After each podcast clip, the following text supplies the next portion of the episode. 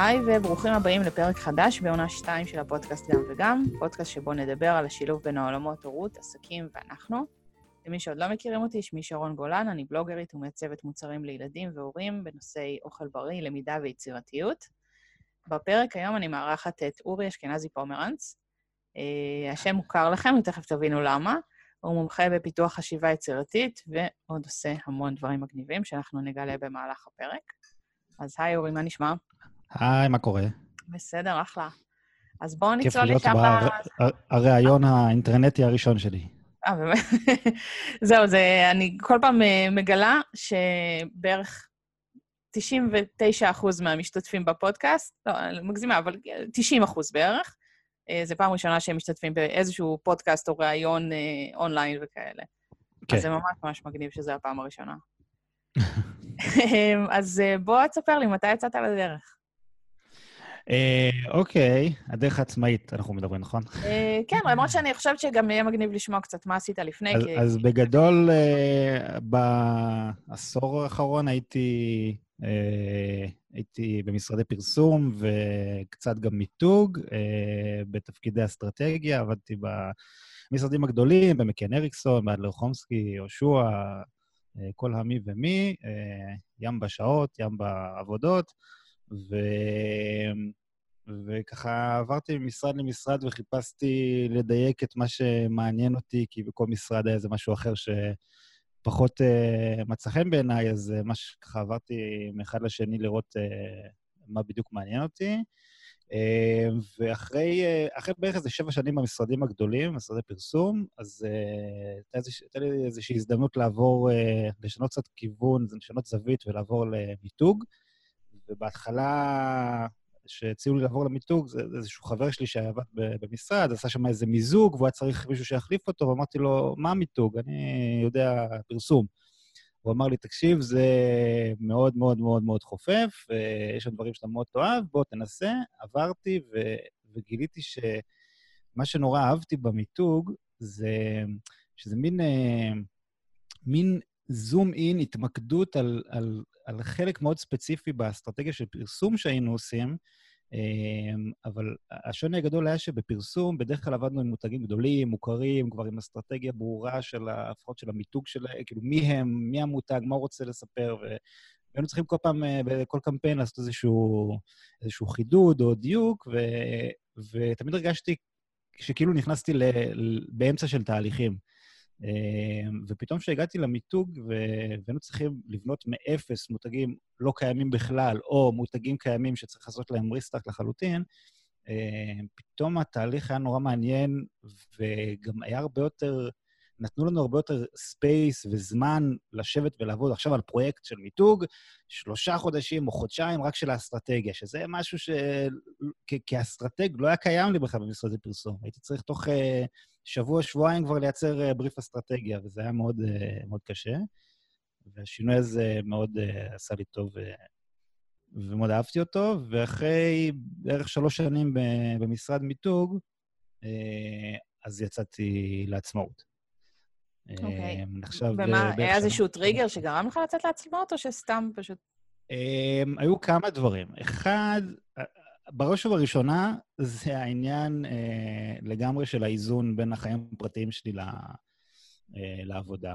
אה, אני, אני, אני זוכר ממש בחודש הראשון שלי באדלר חומסקי, במשרד הראשון שעבדתי בו, אני ראיתי את המנהלת שלנו, את הסמנכ"לית אסטרטגיה שלנו, ראיתי איך היא מתנהלת ב, ביום-יום שלה. אני זוכר, ממש זוכר שהיא נכנסה למשרד שלה באיזה טירוף כזה, ויצאה מהר ורצה, לא יודע מה, ואמרתי לעצמי, לשם אני לא רוצה להגיע. אני לא רוצה לטפס בסולם הזה ולהגיע לפוזיציה כזאת שכאילו, שהיא בחירה ושכר טוב ותנאים וזה, ו- ולהתנהל בצורה כזאת, ו- ולא לראות בית, ועם כל הלחצים האלה, פשוט אמרתי, זה לא מתאים לי, אני לא, אני לא רוצה לטפס לשם.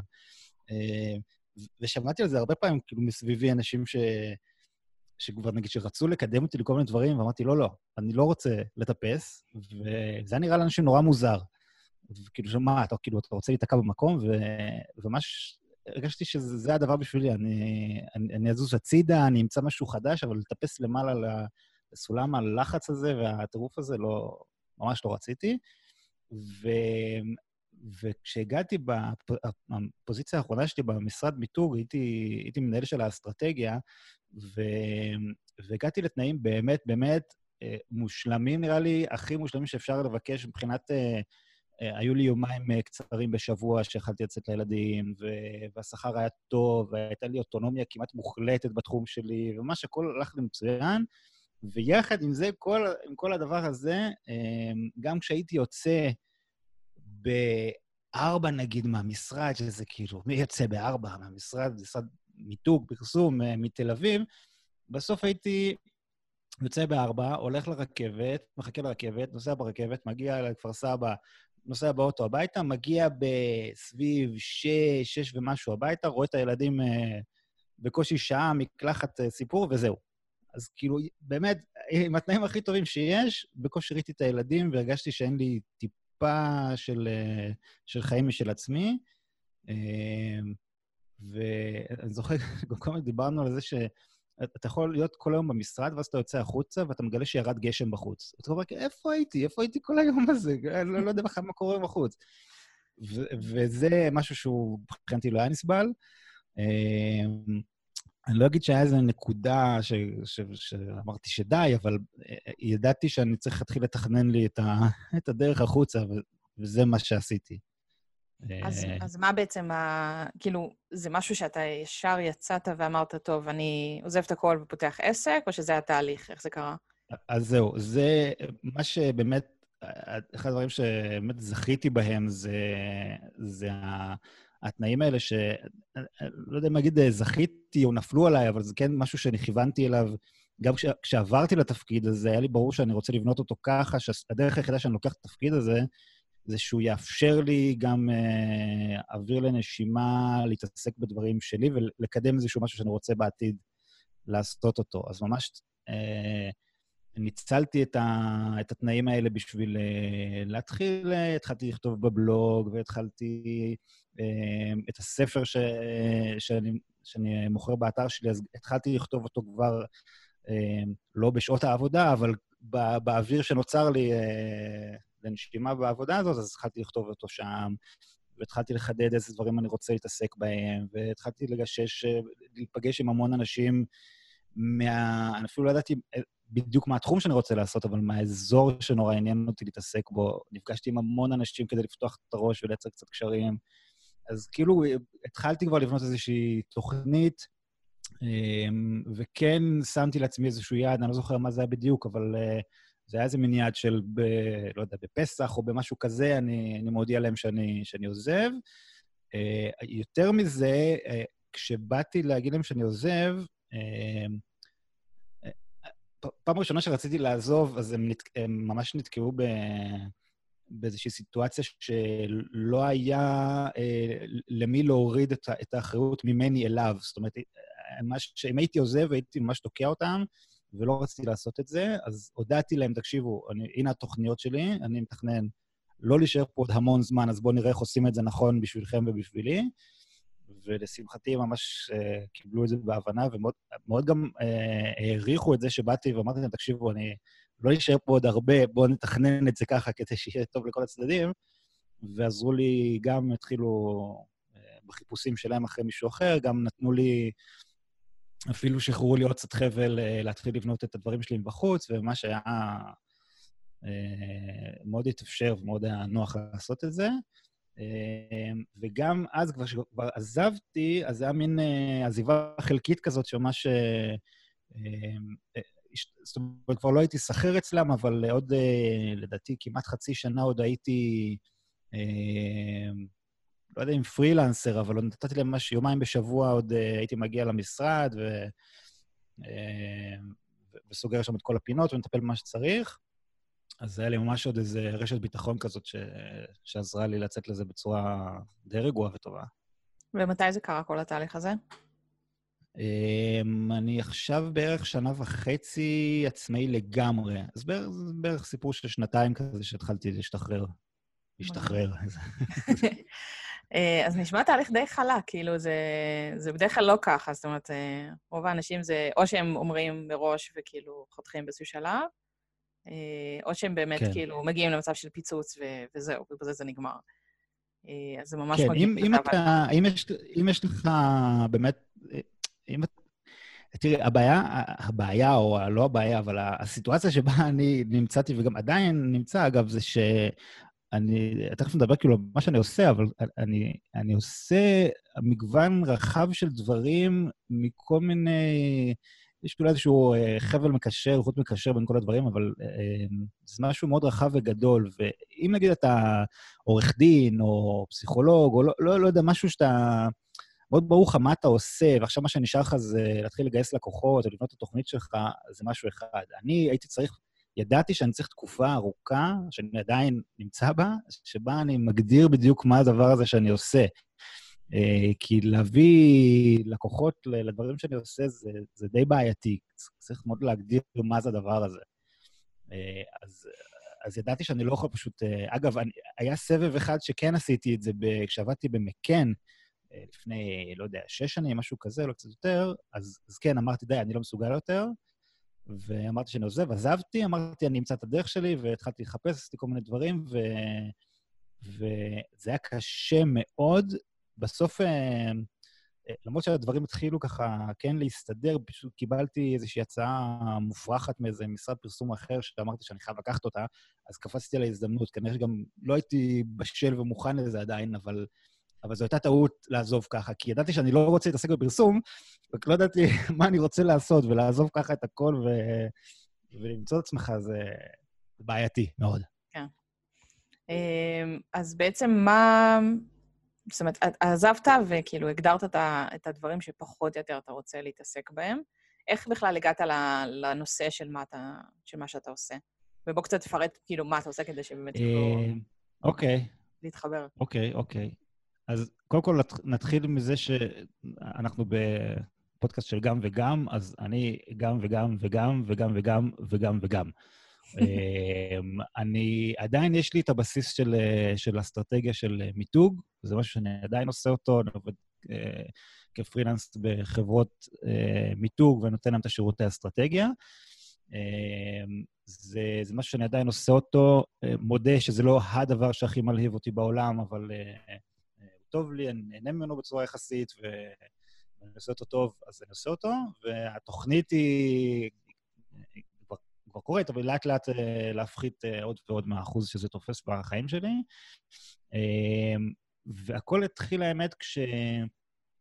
אמ, דיברנו לפני, לפני שהתחלנו להקליט על הספר של ליאור פרנקל, אמ, על פשוט תעשה את זה, איך זה נקרא? פשוט תעשה את זה? תעשה את זה כבר? תעשה את זה כבר. תעשה את זה כבר, כן. אה, אז, אז, אז לי זה גם הגיע באיזושהי תקופה כזאת שכל הזמן אמרתי, אני, אני בער בי לעשות משהו, ו, ואני מטבעי, יש לי המון רעיונות, והיה לי מאוד קשה להוציא אותם בפועל, ואמרתי, ממש קראתי, אני חושב, איזה 15 עמודים מתוך הספר הזה, אפילו לא סיימתי אותו, אבל בתוך 15 עמודים האלה פתאום אה, ממש נחתה עליי ההשראה והמוטיבציה, ואמרתי, טוב, אני מוציא לפועל משהו, לא מעניין אותי מה, וישב לי בראש משהו המון המון זמן, אמ, שהוא אמ, נבע מהעובדה שאני כל היום במשרדי פרסום אה, הייתי צריך לייצר כל הזמן רעיונות חדשים בדברים.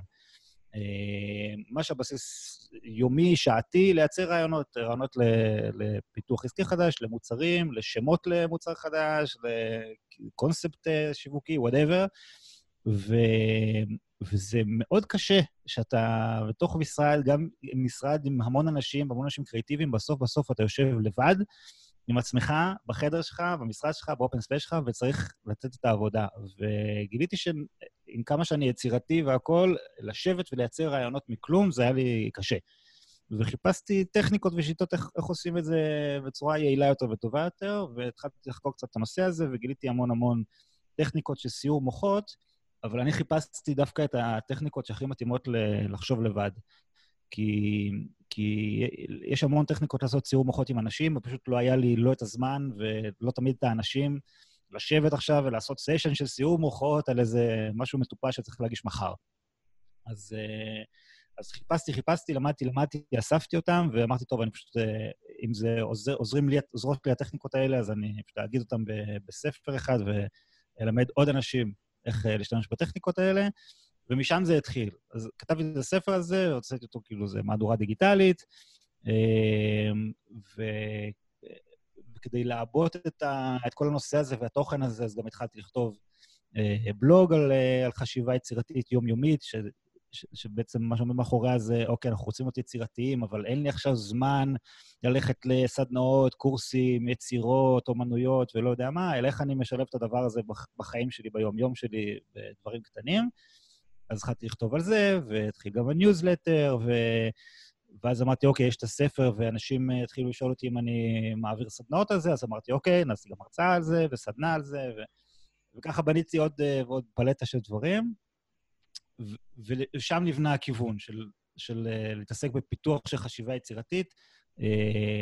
הרבה, האמת, לאו דווקא אצל חברות גדולות, אלא יותר גם לעצמאים שעובדים לבד רוב הזמן וצריכים את הכלי הזה uh, ביום-יום שלהם. Uh, ומשם זה התחיל, ואני מטבעי כל הזמן צצים לי רעיונות חדשים שמלהיבים אותי, ואני רץ לראות מה אפשר לעשות איתם ומנסה לפתח אותם. אז על, על זה נבנו עוד המון המון דברים, אם זה פרויקט בעיות שתייה, שזה פרויקט של מפגשי פיצוח חידות על הבר, מגיעים לבר ופותרים חידות, ואם זה אופיס האנד, שזה מרוץ חידות שקורה בתוך משרדים, אה, ואם זה לפתח יחד עם עוד אה, כמה חבר'ה משחק שהוא נקרא מגה גיים, שזה משחק, משחק ענק שמשלב בתוכו עשרות שחקנים אה, ביחד במקום פיזי אחד, ועוד ועוד ועוד, כל פעם יש איזה משהו שמעניין אותי שאני מתחיל להתעסק בו. אבל מה שמאחד את כל הדברים האלה בסופו של דבר זה פיתוח של חשיבה יצירתית. אז uh, האמת שזה מדהים, כאילו, זה פשוט, אתה יודע, מתפתח מדבר לדבר. Uh, האמת שאני גם ככה, אני כאילו מאוד uh, זורמת ומתפתחת ומשתעממת בקלות, אז אני כל הזמן מייצרת דברים חדשים. כן. Uh, אבל מעניין אותי הפן האסטרטגי אצלך, איך הוא התפתח, כי אני התעסקתי במיתוג uh, עד לפני איזה שנה וחצי, uh, במיתוג אחר, אבל כאילו לעסקים עצמאיים שצריכים לעשות מיתוג, ואז מתוך הלמידה שלי את התחום, אז הלכתי וחקרתי איך יוצרים אסטרטגיית מיתוג ואיך עושים את כל הבריף הראשוני לעצמי, במקום לקחת איזה יועץ שיווק חיצוני, כי בדרך כלל זה התהליך. כן. אז איך זה שונה? קודם כל, בוא, בוא נתחיל משתי שאלות. קודם כל, איך שונה התהליך האסטרטגי שיוצרים לחברות גדולות לעומת לעסקים קטנים מבחינת המיתוג? ושנית, האם יצרת איזשהו תהליך אסטרטגי כזה לעצמך בתחילת הדרך, או תוך כדי עכשיו בשנתיים האחרונות? שאלה מצוינת. אמ, קודם כל, אני את, את כל תהליכי האסטרטגיה למדתי, בוא נגיד, רשמית למדתי אה, במכללה למינהל אה, לעשות אה, אסטרטגיה לפרסום. אמ, זה כן, זה היה מאוד בסיסי, אבל זה נתן איזשהו מספיק רקע כדי להתחיל לעבוד במשרדים הגדולים. אמ, אני אגיד לך את האמת, ב... לא יודע, שש, שבע שנים שעבדתי במשרדים הגדולים, אני לא בטוח כמה למדתי על התהליכים, האסטרט... לבנות תהליכים אסטרטגיים באמת, אלא באמת נשאבתי לטירוף של אה, לחצים וזמנים והגשות ומצגות, ואני לא חושב ש... לי לפחות, זה לא ממש התאים התהליך למידה הזה של באמת איך עושים תהליך אסטרטגי.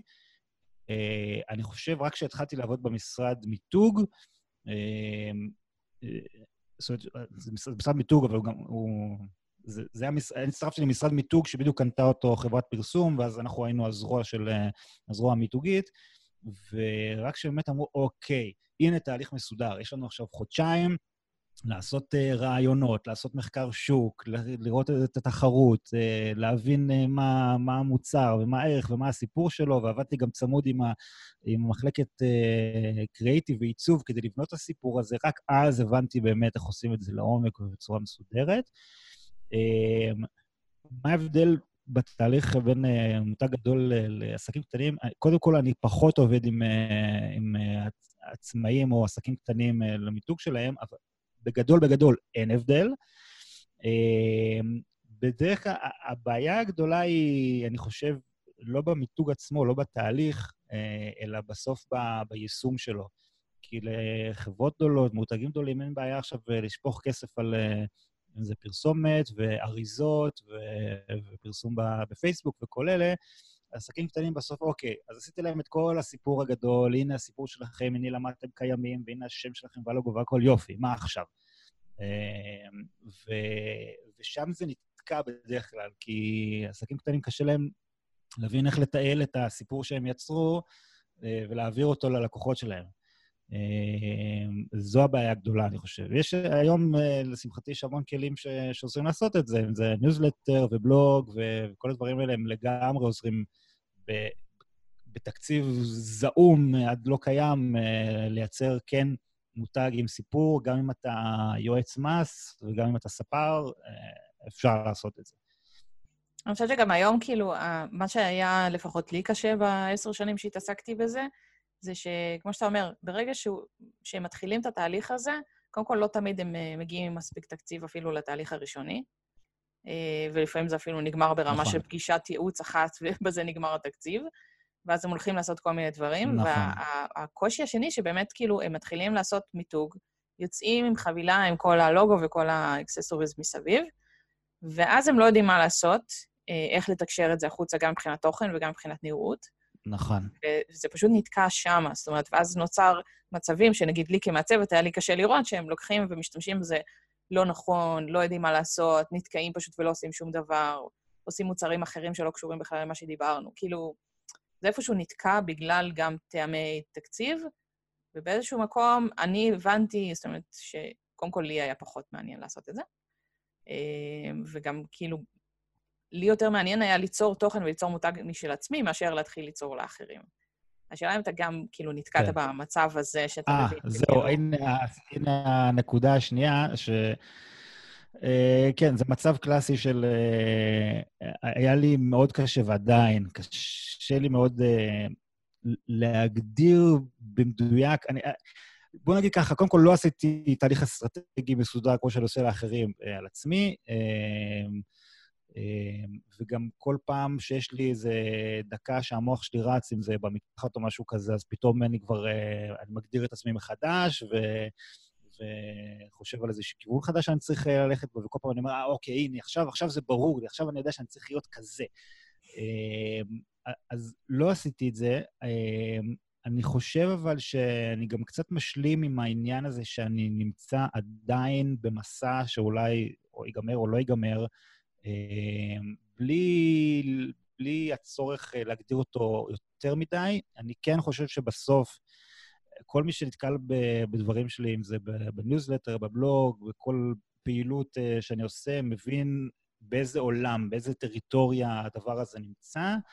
אמ, אני, אני כן מחדד את הנושא הזה כל הזמן של, של החשיבה היצירתית היומיומית. אה, זה משהו שבכלל התחלתי אותו כי לא ראיתי, לא, חיפשתי דברים כאלה בשביל עצמי ולא הצלחתי למצוא. אה, אני חושב שלא הרבה מתעסקים בנושא הזה, אה, באיך לפתח את החשיבה שלך היצירתית תוך כדי שגרת החיים שלך בפעולות מאוד קטנות, ו, וזה הזירה שלי. אני גם, יש לי גם איזשהו פחד כזה להגדיר אותו יותר מדי, כי כמו שאמרנו, אני כל, כל שני וחמישי יש לי פתאום איזה רעיון אחר שמגניב אותי, שאני רוצה לעשות אותו, ולא אה, תמיד הוא יושב בדיוק אחד לאחד על, ה, על הנושא הזה. אה, אז, אה, אז כרגע נוח לי בזירה הזו, בטריטוריה הזאת, ואני חושב שגם... הקהל שמגיע אליי הוא כזה שבדרך כלל אה, נתקל בי הרבה או בבלוג או במקומות אחרים שאני עושה, ומכיר אותי קצת לעומק ומכיר את הנושא, אז, אה, אז קל לו להתחבר לזה ולהבין מה, מה זה הדבר הזה.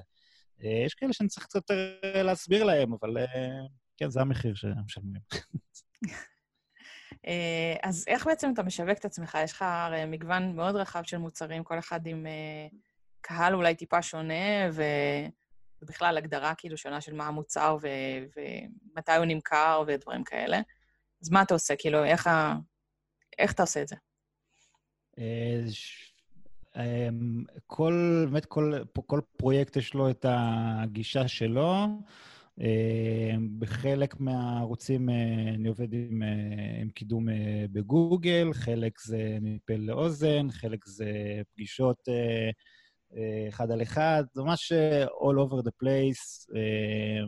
בגלל שאני מתעסק גם עם, גם קהל שהוא אה, כאילו B2C, קהל פרטי, וגם אה, חלק אני מתעסק עם עסקים, וחלק עם, אה, אה, עם עצמאים, וחלק, ממש מגוון מאוד רחב. אז אה, כל דבר אני גם, הוא גם שונה, וגם אני כל הזמן משנה אותו ומתנסה בו, ורואה כל פעם מה, מה משהו אחר שעובד יותר. אה, אני חייב להגיד שהניוזלטר אה, הוא דווקא אחד הכלים היותר משמעותיים.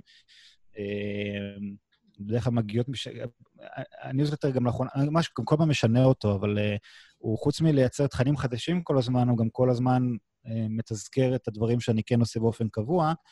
אה, ומי שנכנס הרבה ומכיר, אז אה, לאט לאט מטפטף לו, וכשהוא צריך, אז פתאום הוא נזכר, אה, אני כל הזמן, כל הזמן מקבל כאלה פניות של... אה, הנה, עכשיו אנחנו מחפשים איזשהו אירוע לעשות למשהו, וישבת לי בראש בגלל הניוזלטר, בוא נדבר. אז אה, זה משהו שעובד מאוד טוב.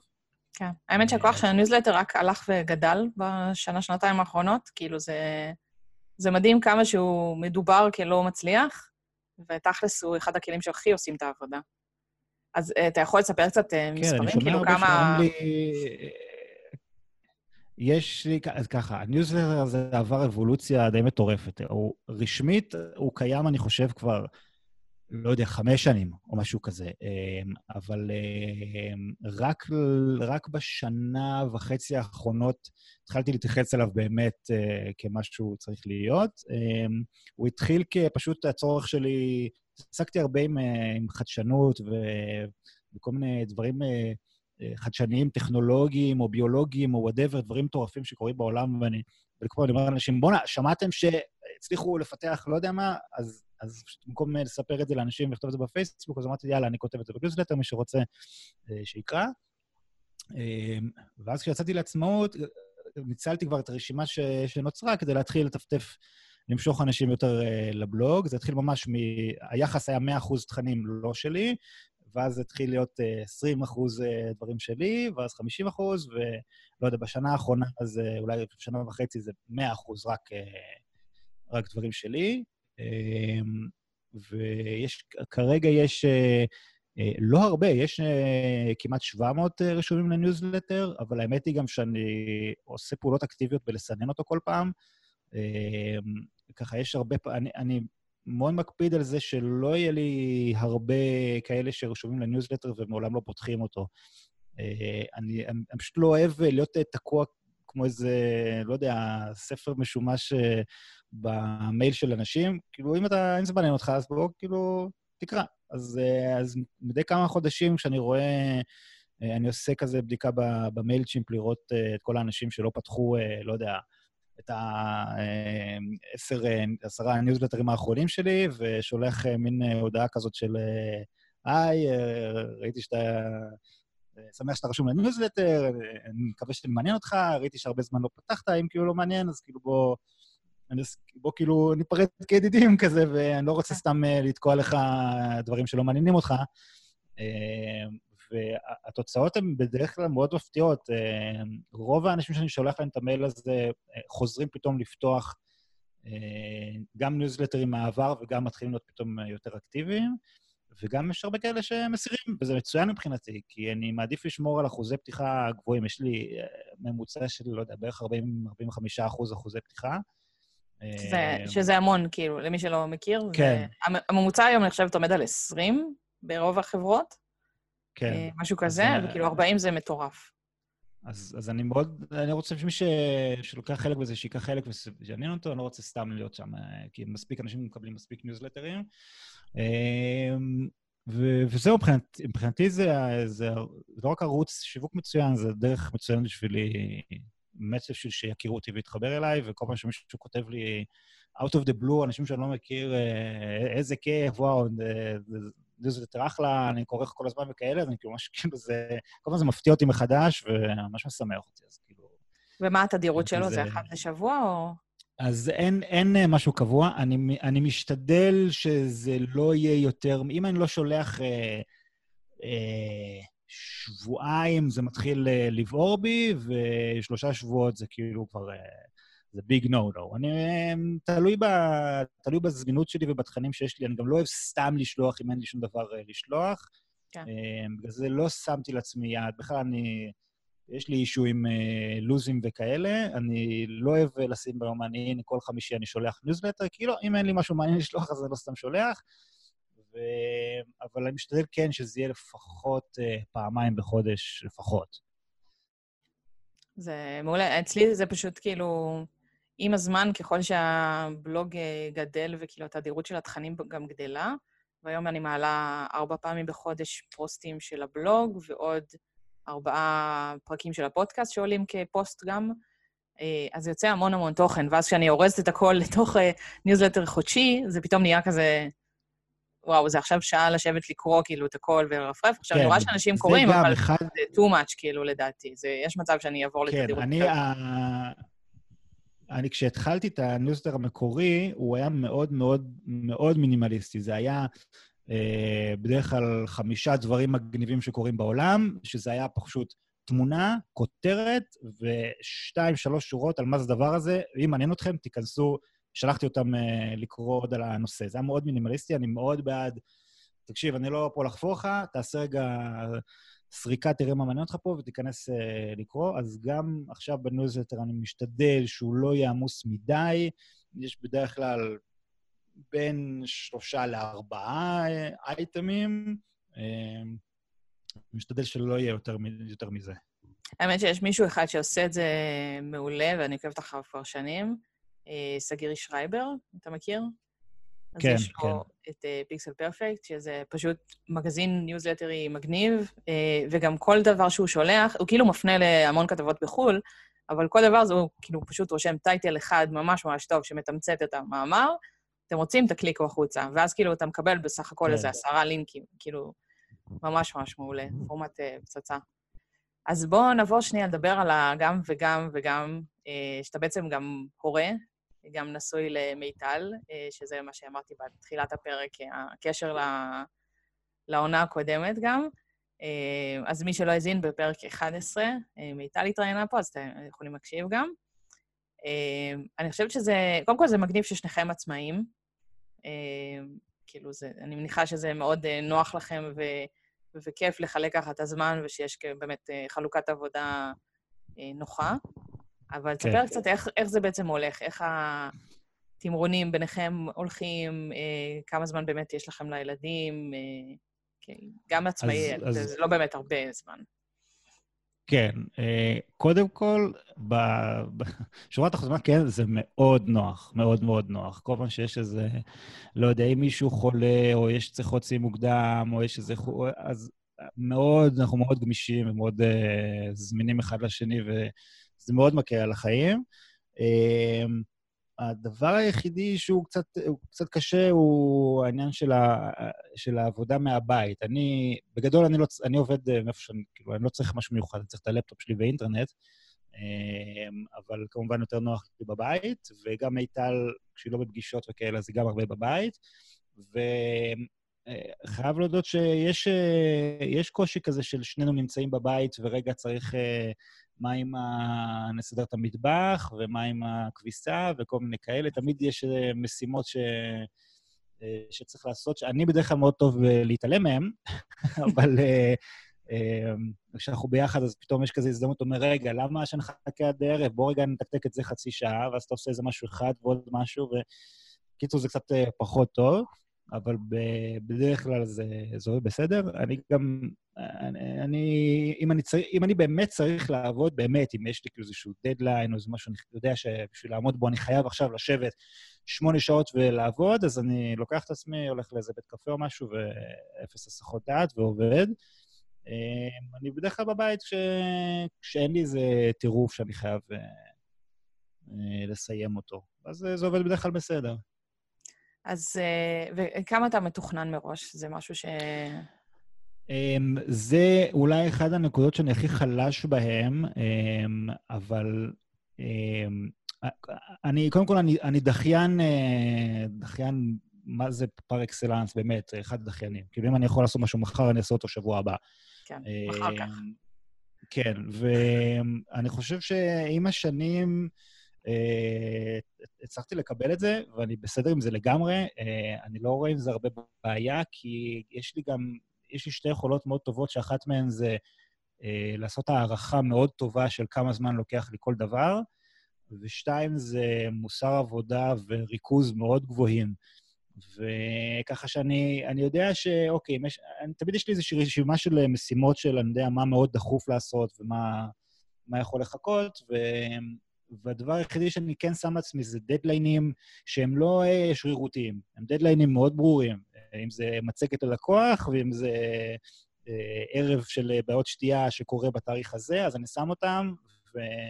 והם מלחיצים אותי, ומבחינתי זה בסדר שאני מחכה לרגע האחרון בשביל לשבת על הדברים שלהם, כי זה מה שמכניס אותי למוטיבציה ונותן לי drive ומכניס אותי לפוקוס, ואני עובד הכי טוב שלי ככה. לא, לא יודע אם זה אידיאלי, אבל בשבילי זה, זה עובד הכי טוב שיש, אז אני פשוט זורם עם זה וככה טוב לי.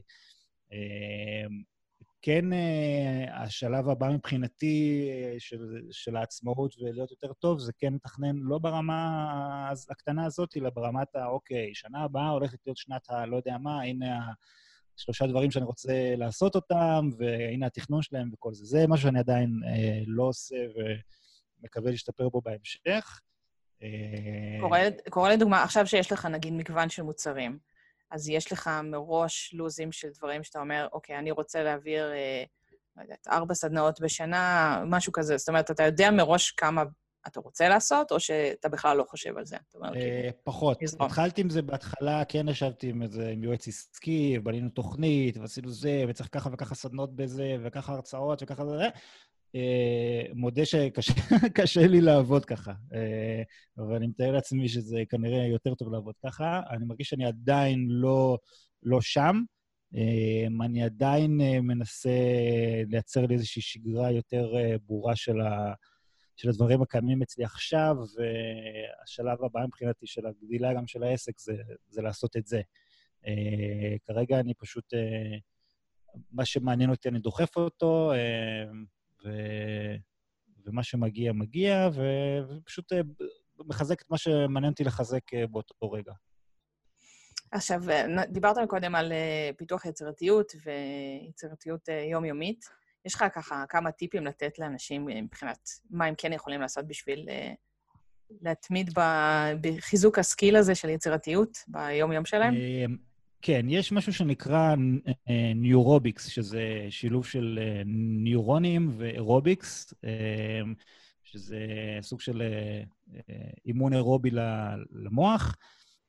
זה שם כולל כזה להמון המון המון המון דברים שאפשר לעשות ביום-יום, דברים שיכולים לקחת גם 20 שניות, ויש אין סוף כאלה, אפשר לחפש בגוגל neurobics ולמצוא מלא דברים, אבל סתם דוגמאות, זה כל דבר שמוציא את המוח שלנו מהשגרה שהוא נמצא בה, כי יש המון דברים שאנחנו עושים בלי לחשוב עליהם, סתם אם זה לנסוע לעבודה ואתה מגיע ואתה לא זוכר בכלל את הדרך שלקחת לעבודה, אם זה באוטו או באוטובוס, כי הכל עשית אותו נורא אוטומטי ואתה עושה אותו כל יום אותו דבר. והמטרה היא קצת להוציא את המוח מהמקום הזה, זה יכול להיות לצחצח שיניים עם היד החלשה, זה יכול להיות uh, להיכנס הביתה אחרי יום עבודה אה, ולהסתובב בבית במשך דקה עם עיניים עצומות. אה, זה יכול להיות אה, לטעום תבלינים שמעולם לא טעמת.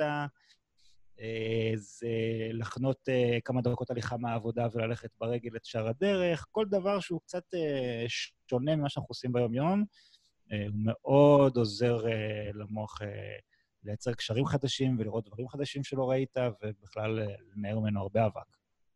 עכשיו, אה, אם כבר הזכרת את הנושא הזה, זה נראה לי משהו שהוא מאוד... אה, זה מאוד מתחבר לי כאילו למדיטציה, זה משהו שאני אישית שנים כבר עושה, מתרגלת. אה, וזה גם משהו שמאוד מפתח קשרים חדשים. זאת אומרת, דווקא התכנסות פנימה ו... ולא להקשיב לסביבה ולהתכנס בתוך הנשימה וכל מיני דברים כאלה מגניבים וקצת מוזרים. אז כמה זה באמת משהו שאתה מתעניין בו, עושה אותו? אני לא עושה מדיטציה, אבל אה, מה שכן, גם יש, יש לי אתגר באתר שנקרא אה, משועמם ויצירתי, אה, כי מחקרים אה, הראו שמוח משועמם הוא מוח יותר יצירתי. למה? כשאנחנו כל היום, אנחנו אה, לא נותנים למוח לשנייה אה, לנוח, אנחנו כל הזמן אה, או עסוקים באיזה בעיה שיש לנו בעבודה. אם יש לנו 20 שניות פנויות בתור של הסופר, אנחנו מוציאים את הטלפון לבדוק הודעות, והמוח כל הזמן רץ. ומוח שהוא כאילו משועמם, שהוא ריק, שאתה לא נותן לו גירויים מבחוץ, הוא מחפש תעסוקה, הוא לא הולך לישון, הוא מחפש... אה, אה, הוא מנסה לפתור דברים שמטרידים אותנו, הוא מנסה, הוא מייצר קשרים חדשים בין דברים שונים, ואם אנחנו רק נותנים לו הזדמנות כזאת, אה, אז, אז הוא עושה דברים מדהימים. זו גם הסיבה שבמקלחת מגיעים לנו הרעיונות הכי טובים, או לפני שאנחנו נרדמים, או בשירותים, או בכל רגע שיש לנו באמת חמש דקות של, של כלום, המוח מתפוצץ ומביא באמת אה, דברים מופלאים, ואני חושב שאנחנו חייבים לעצמנו, בטח אם אנחנו צריכים לפתור בעיות, לא חייבים לעשות מדיטציה, למרות שזה אחלה, אפשר גם פשוט לשים טלפון על שקט, לצאת החוצה למרפסת ולבהות באוויר במשך חמש דקות. זה ממש חשוב. אה, אז ספר, מה, מה הדברים שהשתנו בך בעקבות ההורות? אה, וואו. אה, קודם כל, נפתח לי סט רגשות מחריד ו- ונוראי, ש... שאם לא מספיק הייתי חרד בעולם, אז עכשיו סף החרדות שלי עלה פלאים. אמ, אמ, כן, אני...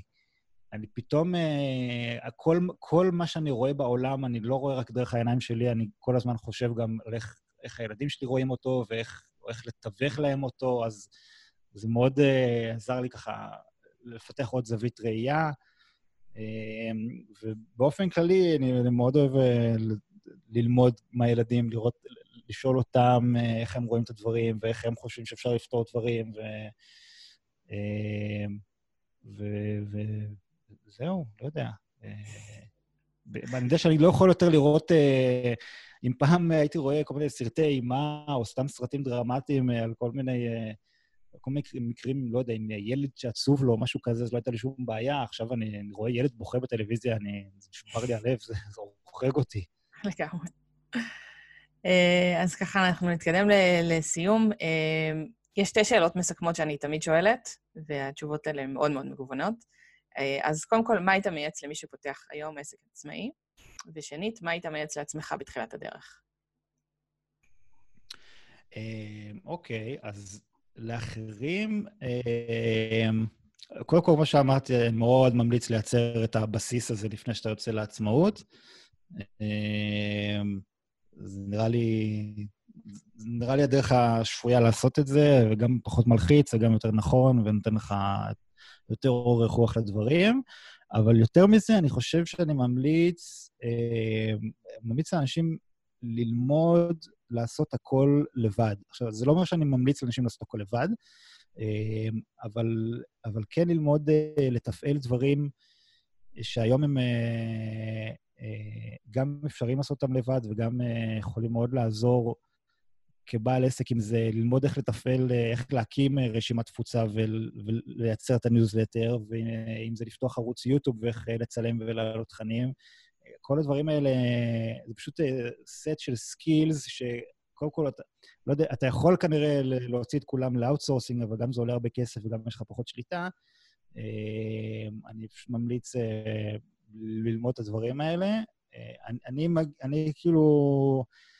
אה, אני גדלתי בתקופה כזו, לא רק תקופה, גם אה, שתי האחיות הגדולות שלי היו יחסית מאוד גדולות, גדולות מאוד, מאוד ממני, ונגיד, כשקיבלתי מחשב, אף אחד לא לימד אותי איך להפעיל את המחשב ממש, ואיך... שחקתי משחקים באנגלית שלא הבנתי אנגלית. כי פשוט לחצתי כפתורים וניסיתי לראות מה זה עושה ואיך זה עובד, וקיבלתי מצלמת וידאו, אז אז פירקתי לה את החיים וניסיתי להשתמש בה בכל כך הרבה דרכים כדי לראות מה אפשר לעשות ממנה. וזה נראה לי משהו שנשאר בי, כל דבר שאני עכשיו... אה, אה, סתם, אם זה לתפעל אפילו את, ה, את הפגישת אינטרנט הזאת, הזום, אז גם, זה להיכנס ולראות את, ה, את ההגדרות ולנסות להבין מה, איך הדברים עובדים. וזה נראה לי כלים שהם חשובים נורא לעצמאי, כי לא תמיד יש לך תקציב וזמן שמישהו אחר אה, אה, יתפעל אותם בשבילך, ו... כדאי לדעת לעשות אותם לבד. אמ, מה הייתי אומר לעצמי? אמ, הייתי, הייתי אומר את זה לעצמי, לא יודע אם הייתי מקשיב לעצמי, אבל אני חושב שמיקוד זה, זה אולי הדבר הכי חשוב. אמ, אה, כי בסוף, בסוף כשאתה בא, שאנשים שואלים אותך, אוקיי, מה, מה אתה עושה? ועדיין אנשים לא רגילים לזה שאתה עושה גם וגם וגם וגם וגם. אז בוא תן להם משהו אחד, שהם יבינו לפחות מה, באיזה זירה אתה, מה הערך שאתה נותן להם, ש, שהם ידעו בכלל אם יש להם למה ואיך אה, איתך בקשר עסקי בדבר הזה. נראה לי שמיקוד הוא מאוד חשוב. אה, לא תמיד זה פשוט ליישם אותו, אבל זה משהו שצריך מאוד uh, לעבוד עליו. גם אם זה תהליך מאוד מאוד ארוך, אז צריך כל הזמן לשאוף לחדד ולחדד. אנחנו תמיד אומרים ב, באסטרטגיה של מיתוג, שזה לקחת uh, קוביית שיש uh, ענקית ולהתחיל לפסל בה ולחצוב ולקלף ממנה עוד ועוד שכבות, עד שנשאר לך בסוף הדבר המדויק ש... והברור שאתה שואף אליו. זה ממש מעולה. למרות שאני חושבת, כאילו, דווקא באנשים של גם וגם, ולאחרונה יצא לי להתקל בהרבה כאלה, אה, יש משהו, כאילו, זה, זה טוב להגיד לאחרים מה אתה עושה, ושהם יודעים בגדול, כאילו, במה אתה מתעסק, אבל גם בשביל האנשים של גם וגם, להגיד לעצמך, עכשיו אני אתפקס רק בתחום מאוד מאוד צר, זה גם בעייתי. כי אז אתה קצת מאבד מהיצירתיות שלך. לא, אני אומר, גם... זה בסדר לגמרי להתעסק בהמון דברים, אבל גם בדרך כלל, אני, אה, לא יודע אם בדרך כלל, אני לא זה, אבל אני, אני חושב שאין, אה, רוב האנשים הם לא גם עורכי דין וגם אה, אה, אה, מוסכניקים. הם כן, בסוף יש להם איזשהו אזור או שניים שהם, אה, שהם נמשכים אליו, שהם בהרבה מקרים חופפים, אם לא ישירות, אז יש איזשהו אה, עולם ערכים או איזשהו עולם תוכן שמקשר ביניהם. אז מבחינתי גם החידוד של, ה, של הדבר הזה הוא, הוא חשוב. לגמרי. אז בוא תספר ככה איפה אפשר למצוא אותך ברשת. Uh, כמובן שאני אשים לינקים גם בפוסט עצמו. אה, אני חושב שהכל בסוף מתרכז אה, לאתר שלי, אה, חשיבה יצירתית יומיומית, זה אורי.ip.me, ויש את הניוזלטר שגם אה, כל מה שצריך לדעת שקורה אני כותב שם, ובפייסבוק יש לי גם את הפרופיל האישי, אבל גם פרופיל עסקי, תשימי לינק, אז ימצאו. מגניב. טוב, אורי, היה מרתק, ותודה רבה על הכל. תודה לך, היה כיף מאוד. בכיף. וזהו, אנחנו נשתמע בפרק הבא, נשארו לנו ממש עוד כמה פרקים עד לסיום העונה השנייה, uh, ואני מזמינה אתכם, uh, כמו בכמעט כל פרק העונה הזאתי, מי שרוצה להשתתף בעונה השלישית, שתוקלט uh, כנראה בקיץ או אחרי זה, תלוי מה יקרה איתנו אחרי שנעבור לאנגליה. אז אתם מוזמנים לפנות אליי איפה שאתם לא מוצאים אותי ברשת, ולהציע את עצמכם. Uh, אז uh, אורי, תודה רבה, ואנחנו נשתמע בפרק הבא. ביי.